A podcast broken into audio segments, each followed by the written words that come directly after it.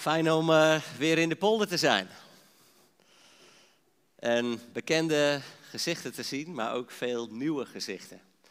En dat uh, is een uh, goed teken wat mij betreft. het is inderdaad, nou inmiddels wel, eigenlijk zouden we dat toch, ja, we kunnen het noemen, maar het is eigenlijk toch al 26 jaar geleden of zo. Dat Alexander en ik hier wonen in, in Emmeloord. Uh, maar ik moet wel zeggen dat dat van binnen uh, blijft het heel vertrouwd voelen. En hebben jullie een plek, uh, plek, in ons hart toen wij hier als voorganger zegbaar mochten, mochten functioneren. Inmiddels wonen we inderdaad in Katwijk en mogen we daar de Heer dienen in de, de Baptistengemeente. En gaan wij met elkaar door een tijd heen waarin het nodige gebeurt. En vanmorgen wil ik ja, met jullie delen vanuit een aantal versen van Gods Woord. Uh, dat waar de Heer mij bij ja, bepaald heeft in uh, deze weken, deze tijden waarin we leven. En ik nodig je uit om met mij die Bijbelversen op te slaan. Uh, of, ja, ik weet niet of het geprojecteerd wordt, maar ik zal proberen het in ieder geval zo duidelijk mogelijk voor te lezen. Jacobus hoofdstuk 1, de versen 2 tot en met 4. Jacobus Hoofdstuk 1, de versen 2 tot en met 4.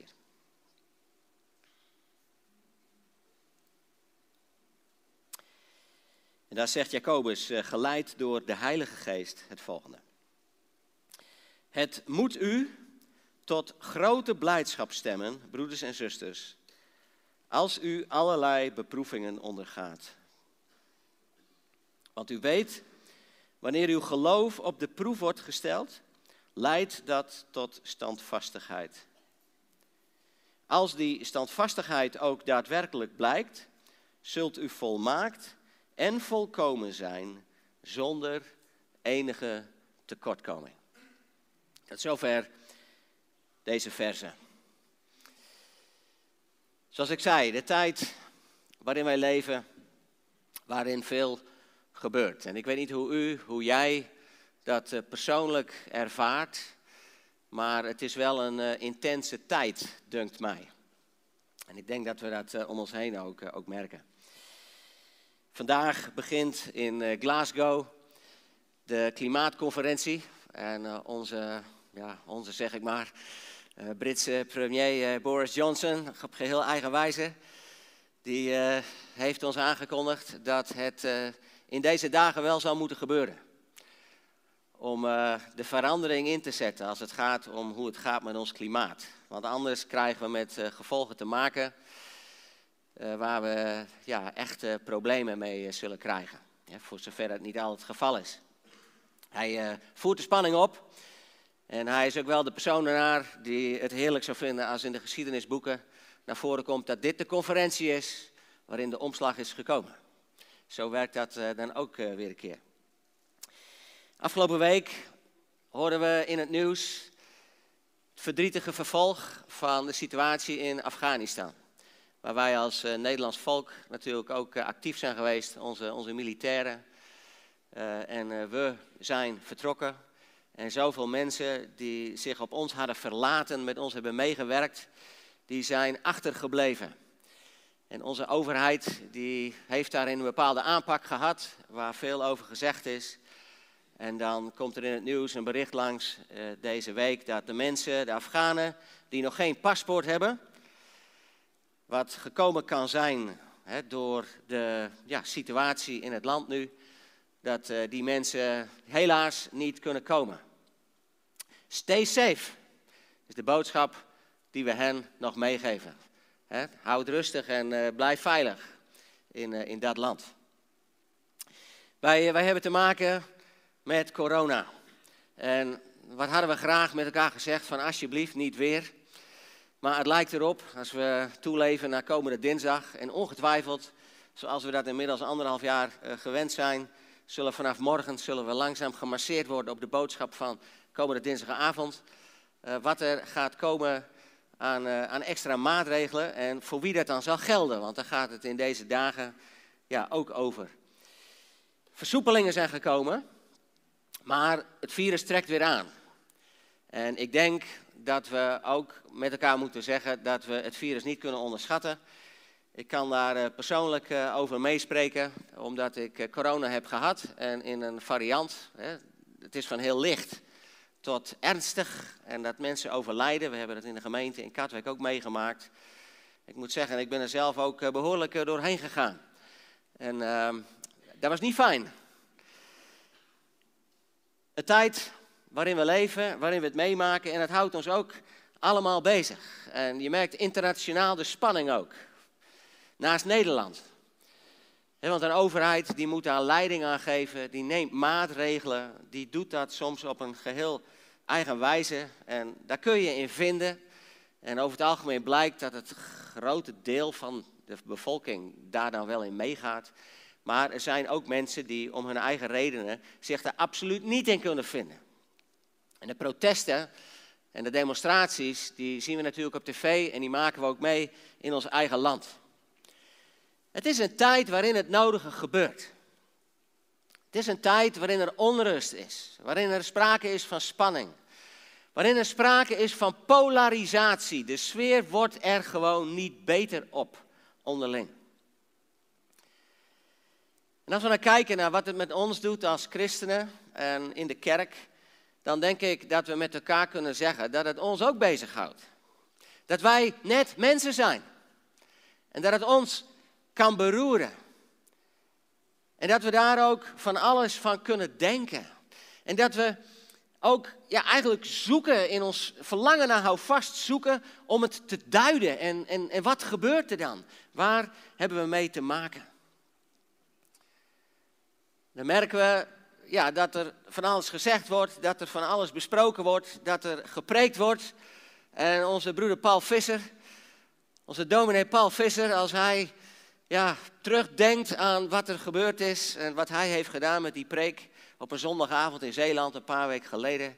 Ik weet niet of hij hem dan nog zo op die wijze had gehouden. Wel goed voor zijn social media cijfers. 200.000 views op YouTube. Omdat onze broeder Paul Visser, en nou goed, hij loopt langer mee. Het is ook een broeder van statuur, laten we daar wel, wel over zijn. Die had gesproken over openbaring 13. En die had daar toch ook nagedacht naar alles wat hij ook, ook zag en ziet en wat er gezegd wordt over de zogenaamde Great Reset, die vanuit het World Economic Forum de, naar voren is gebracht. Daar heeft hij over nagedacht en vanuit Openbaring 13 ook zijn gedachten over laten gaan. Nou, vanmorgen ga ik het daar niet met jullie over hebben. Over wat hij inhoudelijk heeft gezegd. Wat ik er wel over wil zeggen, dat is dat ik denk dat het goed is, en ik kan mij daar van harte in vinden, dat wij als volgelingen van Jezus het woord van God lezen uh, en proberen te verstaan, ook in de tijd waarin wij leven. En lieve broers en zussen, zoals de Engelsen het zo mooi zeggen, history is his story. De geschiedenis is Gods verhaal met mensen. Wij als christenen leven de wederkomst van Jezus Christus tegemoet. En als we Gods woord lezen, ook wat Jezus daar zelf over heeft gezegd, dan moeten we ons niet laten verleiden tot allerlei speculaties. Maar het is wel zaak om de tekenen van de tijd te verstaan. Tegelijkertijd, als wij dan het idee hebben dat het wel eens zo kan zijn dat het niet lang duurt voordat Jezus terugkomt, wat doet dat dan met ons? Wat doet dat dan met jou en wat doet dat dan met mij?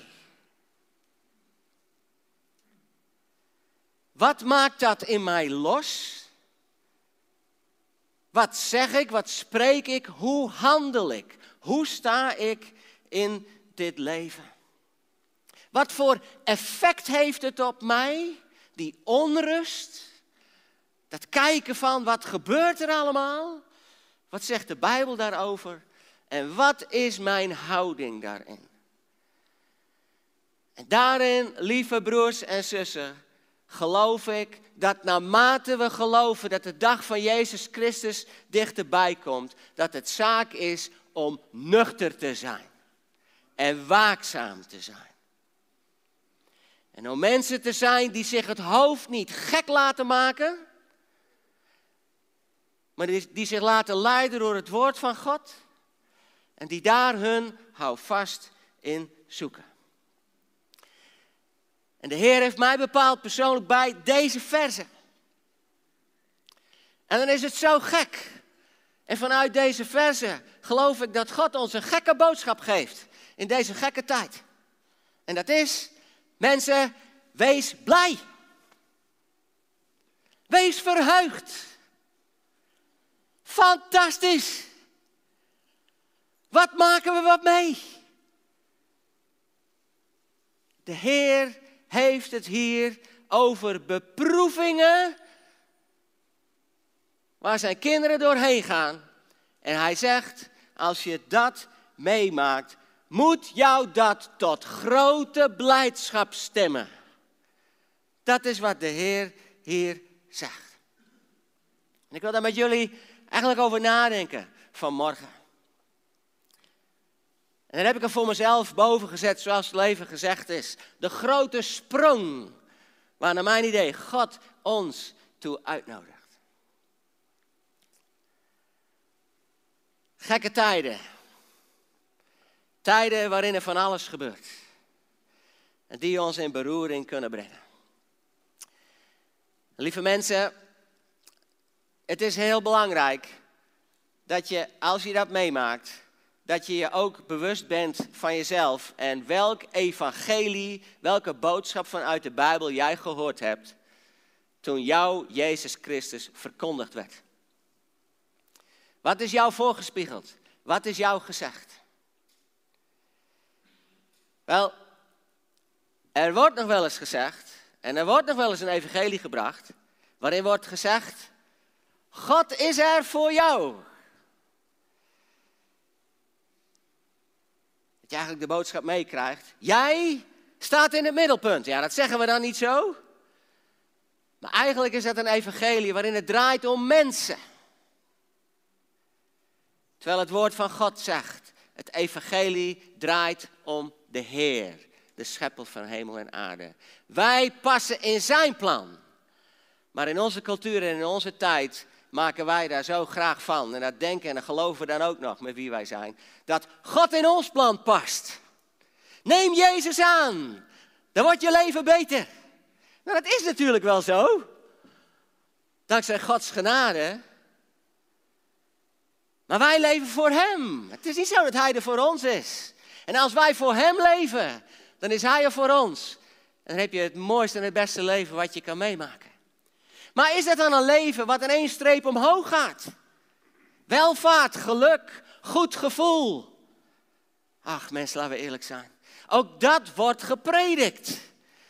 Maar dan is het goed om een reality check te doen, zoals we dat tegenwoordig zeggen. Gewoon even na te gaan, is het nou zo? En laten we dan toch heel eerlijk zijn.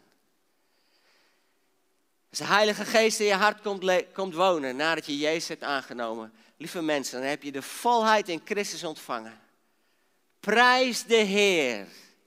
Maar het kan zijn dat je leven een stuk moeilijker wordt. En dat je de blijdschap van de Heer in je hart nodig hebt, omdat de sores in je leven wel steeds groter lijkt te worden. Zegt Jezus niet zelf. Ik ben niet gekomen om vrede te brengen, maar het zwaard. Het kan zijn dat als jij mij gaat volgen, dat je te maken hebt met de gevolgen. Zeker als je dat radicaal doet, dat mensen zeggen: Ik moet jou niet meer. Bekijk het maar. Wat is er met jou gebeurd? Ik hoef dat niet meer. En dat doet echt wel pijn. Dat doet echt wel pijn. En dan heb je de vrede van Christus in je hart.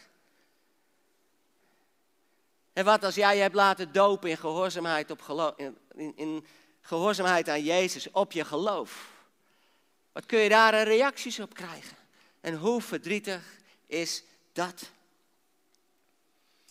Strijd met onze oude mens. En dat de Heer echt Heer wil zijn in ons leven. En dat gebieden aanwijst. Waarin hij zegt, Jaap, Hierin mag jij je vertrouwen op mij stellen. En leg dit af. Dit oude hou vast. Dit oude patroon. Deze oude verslavende gewoonte. Jongen, ik heb meer te bieden dan dat. Maar wat kan het een strijd zijn in je leven om tot dat nieuwe leven met Jezus te komen en te ontdekken dat dit woord echt een gebruiksaanwijzing ten leven is. Het kan worstelen zijn in je leven met Jezus. Wij hebben wereldwijd als christenen te maken met overheden. Meer dan 200 miljoen broers en zussen wereldwijd die vervolgd worden omwille van de naam van Jezus.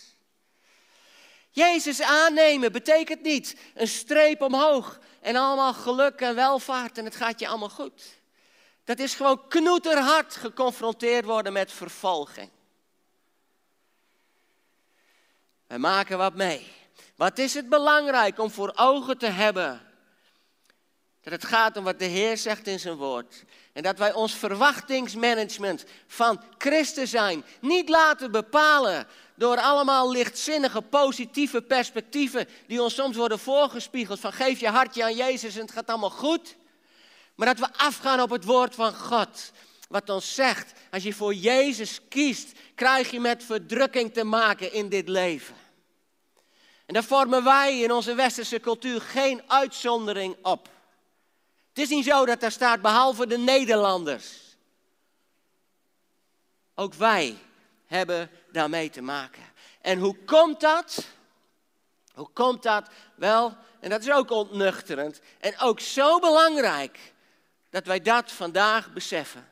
Dat komt omdat Paulus zegt in de Efezebrief, in Efeze 6, dat wij niet te maken hebben met de dingen die voor ogen zijn, maar dat wij te maken hebben met een geestelijke strijd, met overheden en machten in de hemelse gewesten, die in hun opstand tegen God zich verzetten tegen de schepselen van God en niets liever doen dan die mensen onderuit halen.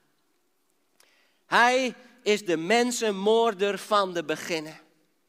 Hij, Satan en zijn demonen gaan rond als een brullende leeuw, zoekend wie zij kunnen verslinden.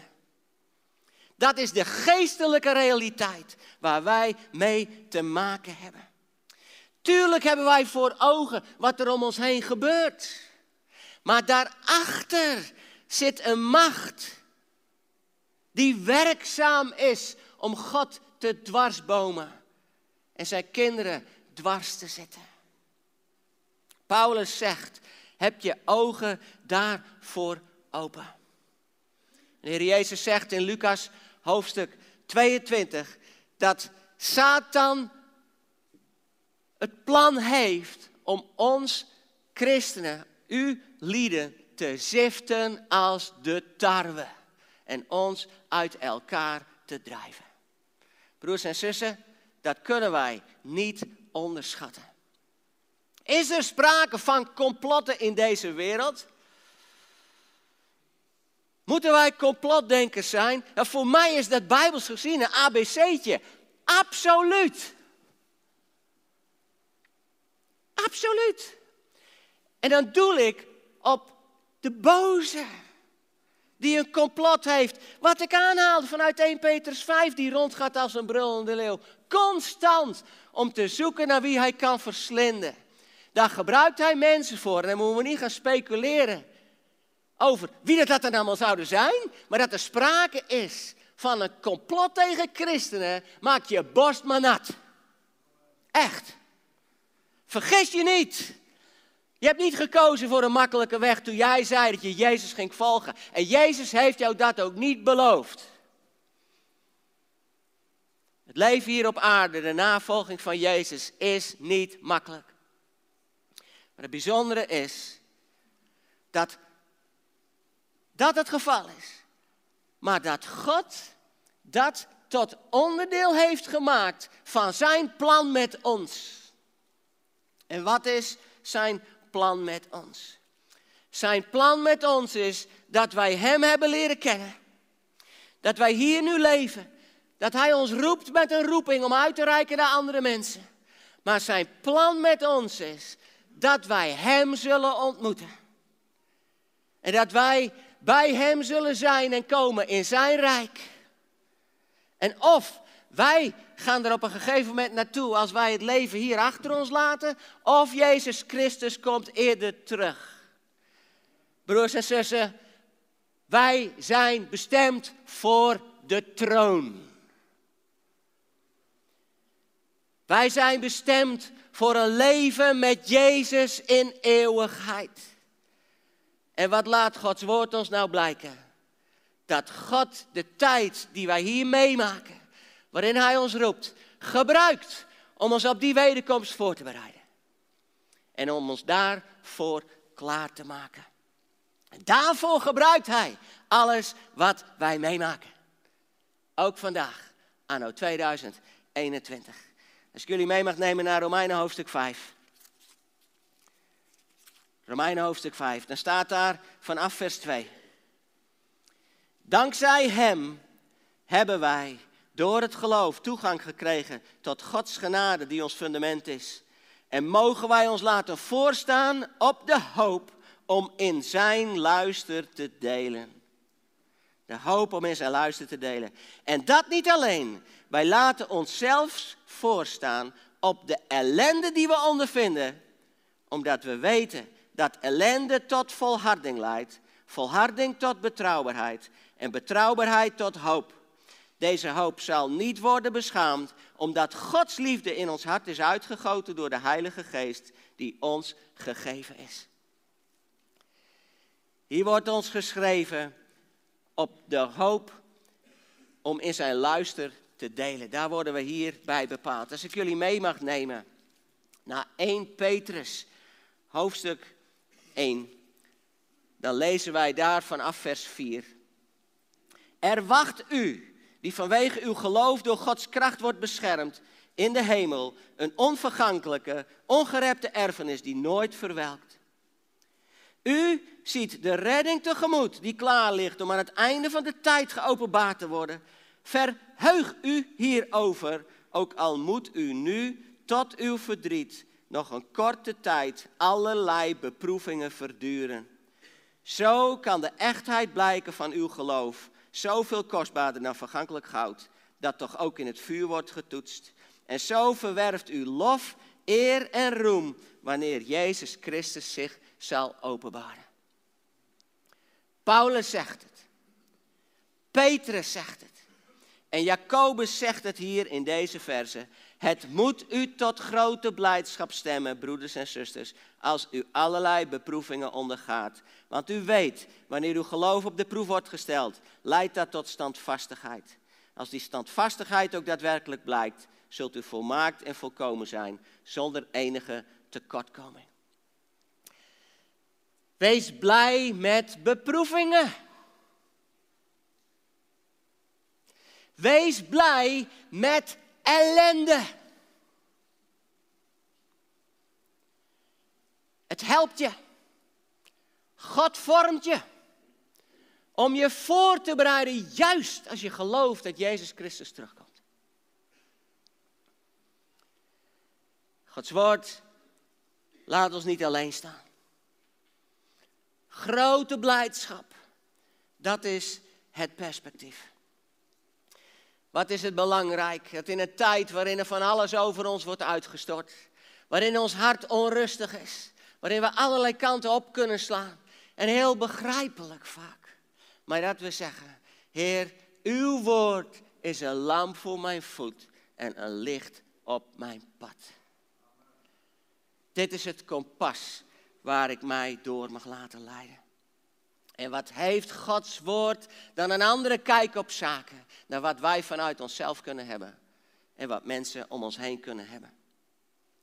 Wij zijn met z'n allen in een proces op weg naar Gods toekomst, naar de wederkomst van Jezus.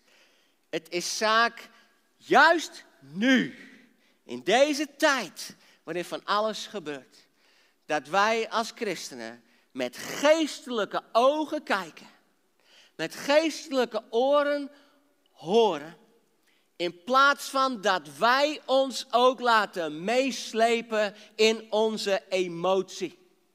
Hoe begrijpelijk ook. Ik heb het idee dat we daar met z'n allen vatbaar voor zijn. Weet je, toen ik hier zo mee bezig was in de voorbereiding, moest ik denken eigenlijk aan een voorbeeld. En dat is ja, een heel praktisch voorbeeld, hè, maar dat helpt mij dan wel weer. Uh, ik, ik moest denken aan, aan, aan onze jeugdwerker in, in Katwijk, Helena. Die heeft nou, sinds, sinds een, nou, wat is het, inmiddels een half jaar of zo, een, een kleintje, Vee Elin. Heel lief meisje. Zo'n propje, hè? En, en, we zagen nou vanmorgen ook een mooi fotootje. Die je, dan, die zo in je hand kan hebben. Maar, wat kan zo'n mooi propje, zo'n lief klein kindje, wat kan die ook tekeer gaan? En als je dat dan voor het eerst meemaakt, ja, dan, dan kan dat wel effect hebben. Dan is het best zoeken van, wat moet ik nu? Nou, en zo gaat het. Hè? En Vee Elin, echt een heel lief meisje. En Helena, echt een superleuke meid, onze jeugdwerker. Uh, maar die maken met z'n allen, die maken wel wat mee. Want Vee Elin, die, uh, ja, die gaat door fases heen. En nou is mij verteld, en onze oudste dochter Terza, voor, voor wie haar nog kent als klein kindje. Nou, inmiddels die is ook in verwachting van de derde. Ah, Alexander en ik zijn helemaal blij natuurlijk ook. maar onze Tessa, die heeft wel eens gezegd, pap, weet je, uh, dan gaat een kindje door sprongetjes. Zijn hier mensen die dat ook weten? Dat je dat te maken hebt met sprongetjes. Mag ik mensen zien met de handen omhoog? Dan heb ik even het idee. Ja, kijk eens aan, kijk eens aan. Kijk, in de tijd dat wij de, onze kinderen hadden, dat is dus een streepje geleden. Toen, uh, ja, wij wisten dat allemaal ook weer niet op die manier, maar daar is onderzoek naar gedaan. En wat blijkt nou? In de ontwikkeling van onze kinderen maken zij sprongetjes. Nou, als je daar meer over wil weten, even googlen op Oei, ik groei.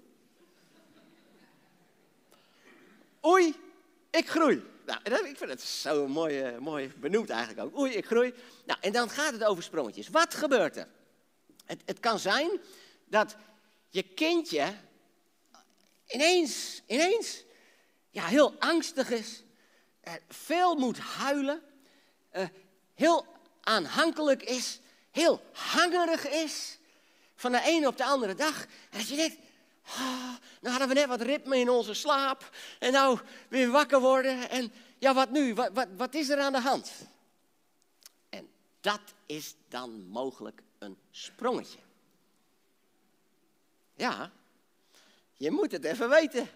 Dat kan dan een sprongetje zijn. Want wat gebeurt er met onze lieve babytjes? Het kan zomaar zijn dat ze ochtends wakker worden en in één keer... Oh, veel meer zich bewust zijn van de omgeving waarin ze leven. De wereld is in één keer veel groter. Hun, hun, het gaat om hun omgeving, maar ja, ook als het, als het gaat om hun lichamelijke mogelijkheden, de bewegingen die ze kunnen maken en wat ze zien. In één keer, oh, is dat mijn vader? Zou ik ook schrikken. Hè? Als... Van, hè? En, dat, en, en is een hele nieuwe werkelijkheid. En wat is nou het interessante? Dat gebeurt. En wat denken de ouders? Ah nee, eh, nee, wat erg. Nee, dat wil ik niet, want ik wil terug naar gisteren, naar al die rust. Maar wat is nou het interessante? Dat stapje, dat sprongetje wat ze maken, hebben ze nodig om hun volgende stap te kunnen zetten. Dat is het boeiende. Ze groeien door die moeite heen naar een volgend moment van ontwikkeling. Met andere woorden, je moet dus niet balen van zo'n sprongetje. Ja, heel begrijpelijk natuurlijk, maar dat sprongetje heeft jouw kindje nodig om te groeien en te ontwikkelen en toe te groeien naar de volgende fase waar hij of zij in terecht zal komen. En wat dan dat kindje nodig heeft, is een vader en een moeder die vanuit rust dat kindje gewoon tegen zich aandrukken. En zeggen, oh, het is allemaal goed. Het is allemaal goed. Kom goed. Jij hebt niet het overzicht, maar wij wel, voor zover. Maar je vader in de hemel heeft in ieder geval het overzicht. Kom maar. Dat is het idee. En dan groeit dat kindje daardoor heen. Wat een les ook in leiderschap. Van hoe je omgaat met tijden waar je doorheen gaat. En hoe dan. Zo belangrijk dat ouders dan in rust zijn en blijven. Broers en zussen, wat is het zaak om fases waar wij doorheen gaan te aanvaarden? Wat is het zaak om bewust door te zetten, volharding te oefenen, te trainen in tijden waarin het moeilijk is, in het vertrouwen dat God daar doorheen werkt en ons wil vormen.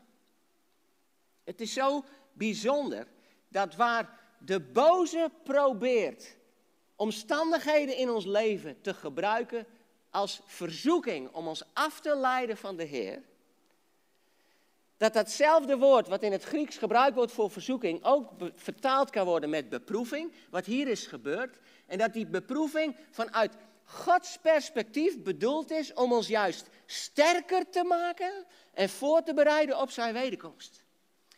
En dan hebben wij de belofte vanuit 1 Korinthe 10, vers 13, dat God niet zal gedogen dat wij boven vermogen verzocht worden, omdat Hij met de beproeving ook voor de uitkomst zal zorgen.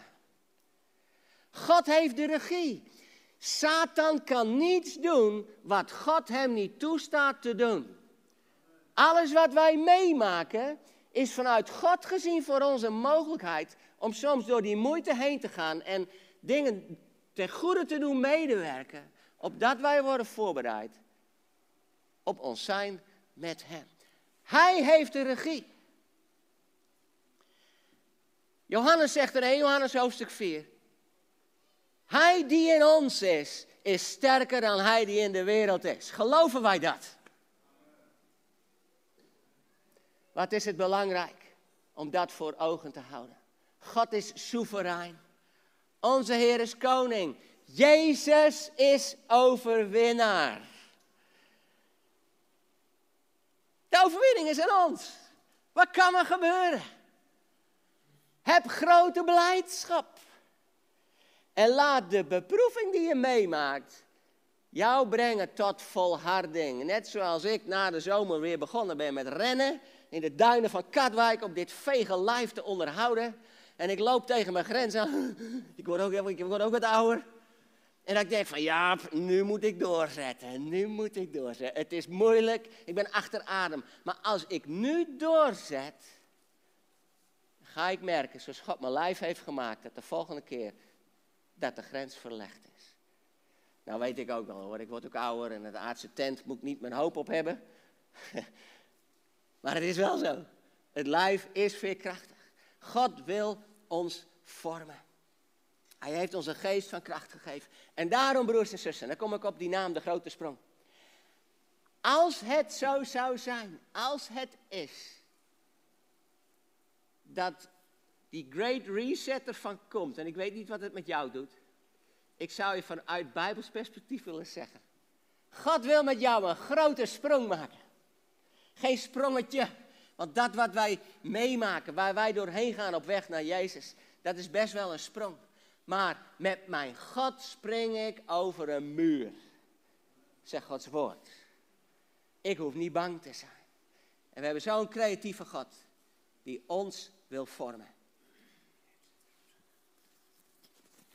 Dat is wel handig, ja. Kun je me even helpen? Want ik uh, heb geen idee wat ik aan het doen ben. Hij ging steeds Oké. Prima, dankjewel. dankjewel. God nodigt ons uit om in deze tijd daardoor heen te gaan en een sprong te maken en door Hem gevormd te worden en klaargemaakt te worden voor de tijd met Hem. Hoe kijken wij dan? Hoe kijk jij? Hoe kijk ik? Met elkaar, maar ook persoonlijk. Wat doet het met mij? Hoe stel ik mij op? Als er gesprekken gaan over alles wat er gebeurt en wie wat doet of zou doen mogelijk. Op welk vuurtje gooi ik hout? En wordt het vuurtje mede door mij aangestoken? Lieve broers en zussen, ik geloof dat God ons roept.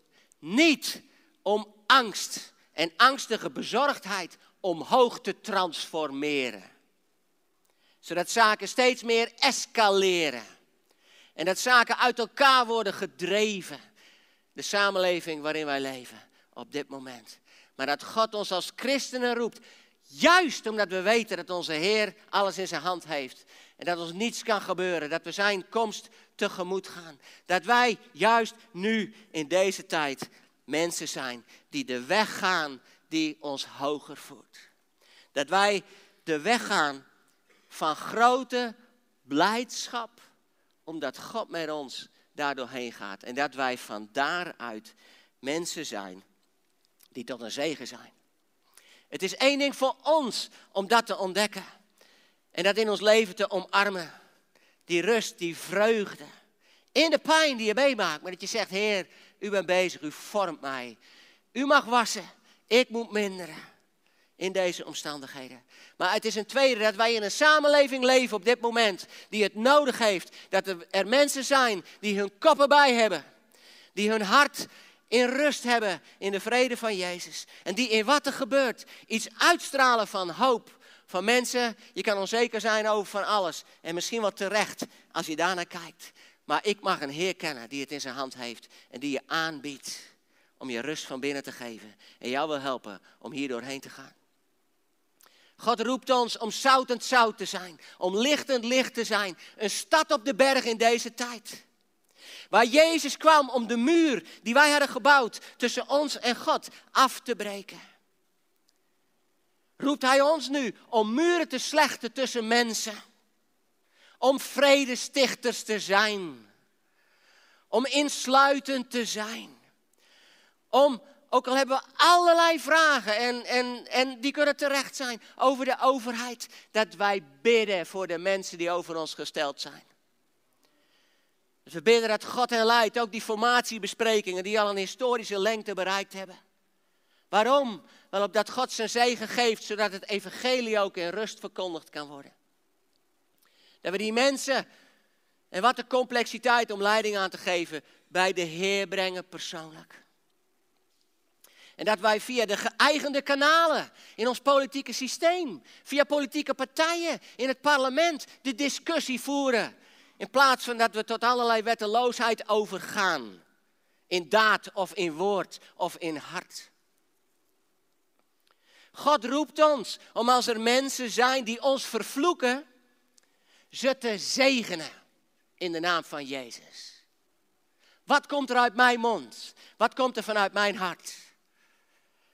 Gij geheel anders. Juist nu, in deze tijd.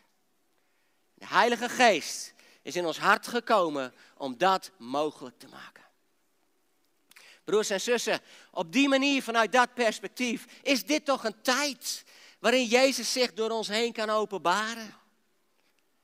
En dat is zijn verlangen. Laten we elkaar bemoedigen, moed inspreken, elkaar bevestigen in de heerlijkheid. Dat de geest van kracht in ons woont en dat de Heer ons wil leiden. Laten we van daaruit tot een zegen zijn voor elkaar. Bemoedigen, bevestigen in die zekerheid, in die identiteit in Jezus. Laten we van daaruit vredestichters, voorbidders zijn voor de mensen om ons heen. Voor de wereld waarin we leven. Opdat Jezus zich verder kan openbaren. En waar een heerlijke toekomst gaan wij dan met elkaar tegemoet. Dat God ons daarin zegenen. Amen.